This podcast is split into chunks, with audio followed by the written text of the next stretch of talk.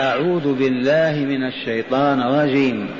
الذين يقولون ربنا إننا آمنا فاغفر لنا ذنوبنا وقنا عذاب النار. هذا وصف لازم لهم طول حياتهم.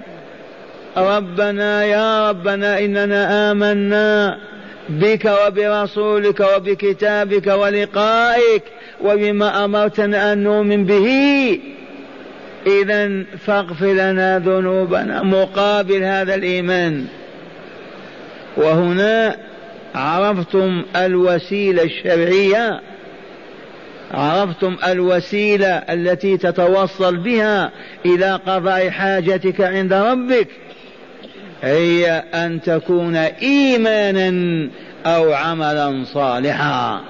أما وسيلة بسيد فلان وحق فلان وجاه فلان والله ما تصل بك إلى قضاء حاجتك لا بمغفرة ذنوبك ولا بوقايتك من عذاب ربك. ما يوجد بين المستمعين وهم وافدون على مسجد رسول الله من يرد علينا هذه القضية.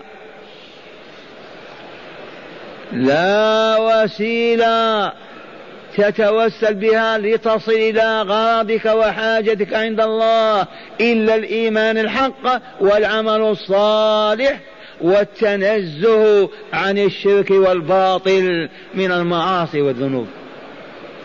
أما اللهم إن أسألك بحق فلان بجاه فلان بفاطمة الزهراء بالحسن والحسين برسول الله كل هذا هو.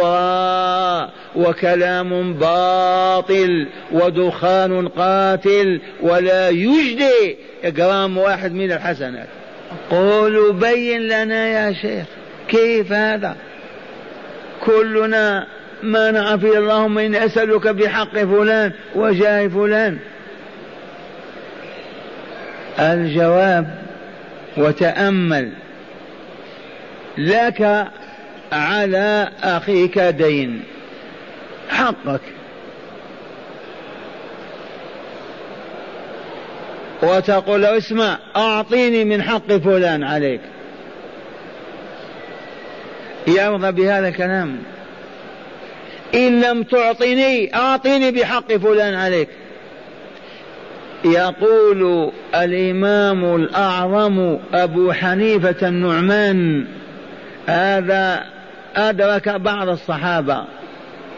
يقول هذا السؤال صاحبه يكفر. لأنه في موقف كأنما يقول إن لم تعطني من فضلك يا ربي أعطني بحق فلان عليك. من هو هذا الذي له حق على الله بالهراوة؟ يوجد عاقل يفهم هذا الكلام؟ مخلوق مربوب بين يدي الله يصبح له حق يأخذه على الله بدون رضا الله؟ حقيقة كفر هذا. ولكن ما علمونا ما بينوا لنا رموا بنا في ظلام هذه الحياة الدنيا. فلم تلومنا يا شيخ؟ الآن عرفنا.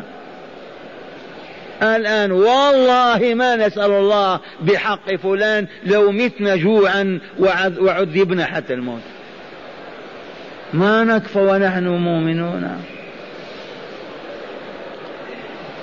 أما أسألك بجاه نبيك بجاه فلان بجاه فلان هذه حيلة من حيل الشيطان.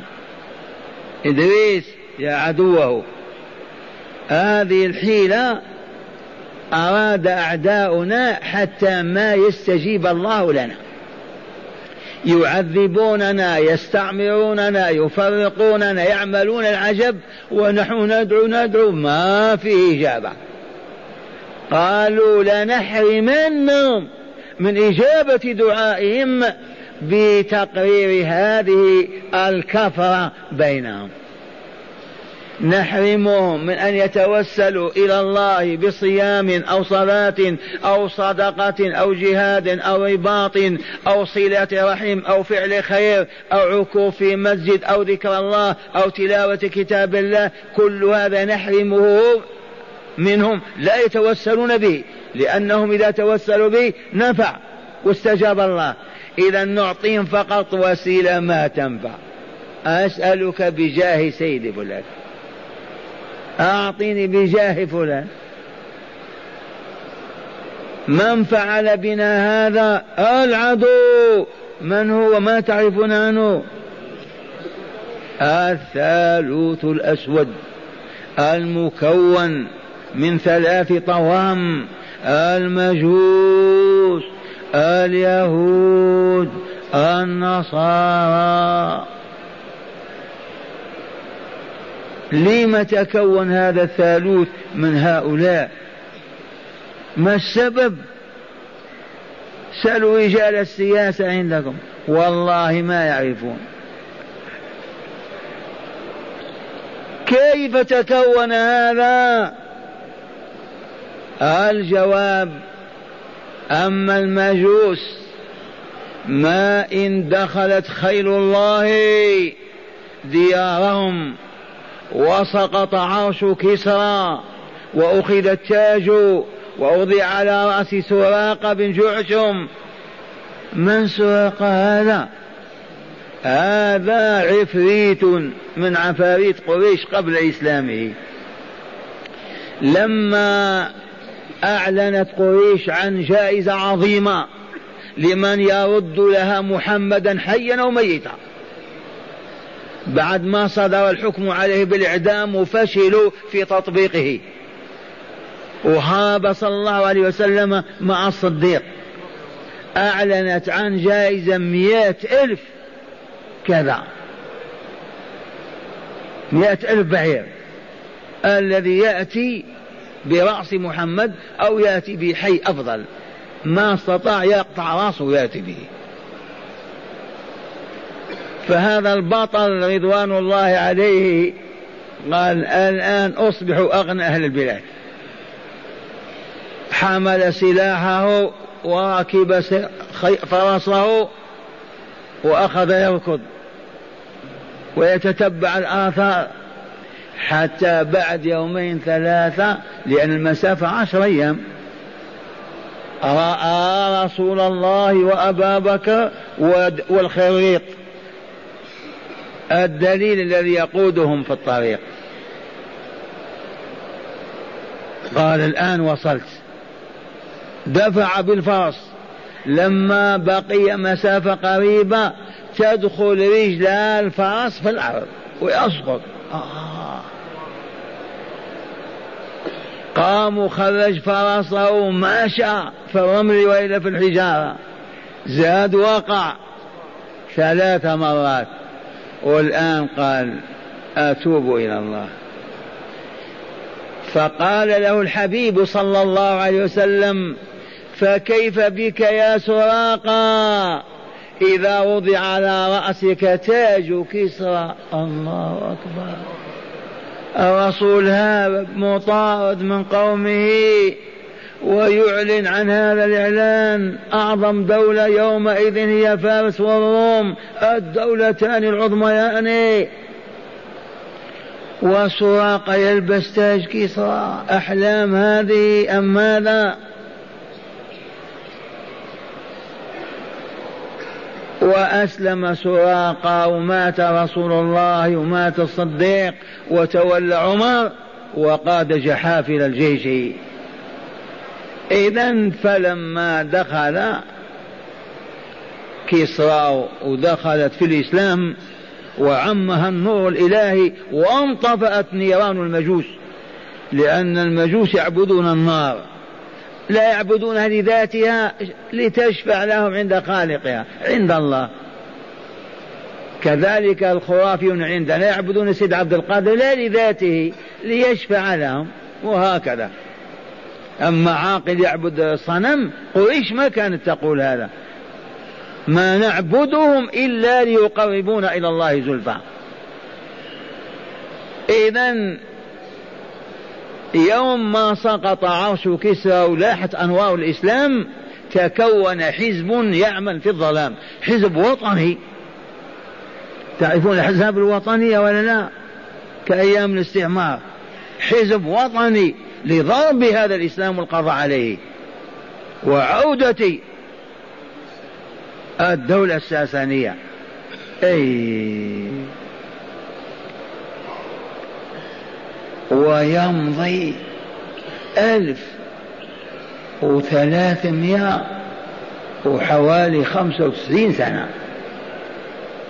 والمجوس يحتفلون بذكرى مرور ألفين وخمسمائة عام على الدولة الساسانية.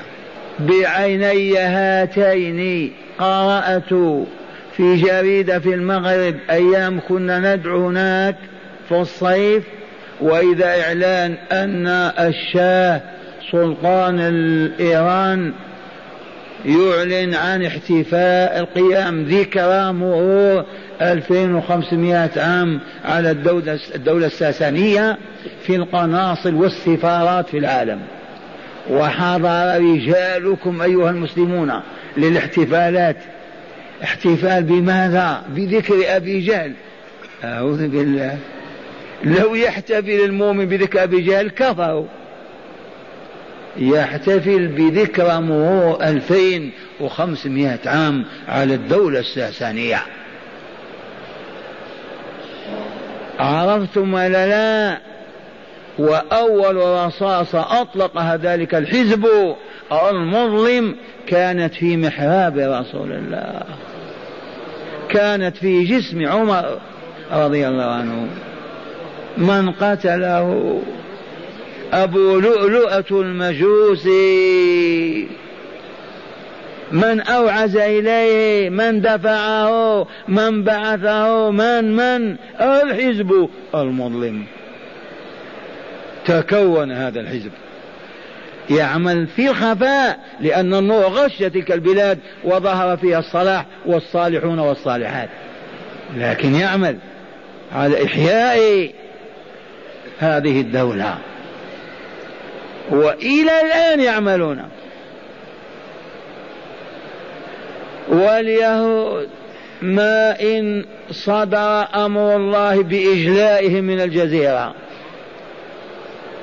لا يجتمع دينان في هذه الجزيرة. وصية أبي القاسم. بنو قين بنو قريظة ماتوا هنا في آخر المسجد. ودفنوا في بئر وحفرة لأنهم ناقضوا العهد وتعاونوا مع الأحزاب. بنو النظير أجلوا طردوا. بنو قينقاع من قبلهم التحقوا بأذرعات بالشام. من ثم بحث اليهود عمن يتعاونون على ذبح الإسلام. فوجدوا من؟ الحزب المجوسي. فتعانقوا. مع بعضهم بعض. أتدون من كان همزة الوصل وهم الآن ينفون هذا؟ ووالله لهو كما قال أهل العلم. عبد الله بن سبأ الصنعاني اليماني اليهودي. هو الذي ربط بين المجوس واليهود. بقي النصارى كيف؟ ما إن لاحت الأنوار. ودخل الإسلام في الشام وتحول نحو الغرب واتجه نحو مصر وأفريقيا. قالوا هذه الطامة. لن نفلح بعده. ماذا نصنع؟ بحثوا عمن يتعاونون. وجدوا المجوس واليهود. فكونوا شريكة لضرب الإسلام. ومن ثم وهم يعملون متعاونين إلى الآن في الخفاء. إذا فلما فشلوا في الحروب وما استطاعوا انهزموا قالوا لا بد إذا من العمل المم النافع المجدي. ما هو؟ نبحث عن سر صفايا أرواح هذه الأمة وطهارتها وقوتها وسلطانها وعدلها ما هو؟ قالوا القرآن. القرآن. إي والله أصابوا. القرآن. لأن القرآن بمثابة الروح للحياة. والله قرر ذلك في ثلاث آيات من كتابه في التوبة وفي حاميم غافر وفي حاميم الشورى. قال تعالى وكذلك أوحينا إليك روحا من أمرنا. ما هذا الروح الذي أوحاه؟ القرآن والله به الحياة وإلا لا. وما كنت تدري ما الكتاب ولا الإيمان ولكن جعلناه نورا نهدي به من نشاء من عبادنا. قالوا العرب حيوا بالقرآن واهتدوا بالقرآن. هيا نبعدهم. وحينئذ نركب على ظهورهم كالبغال والحمير. ونجحوا وإلا لا؟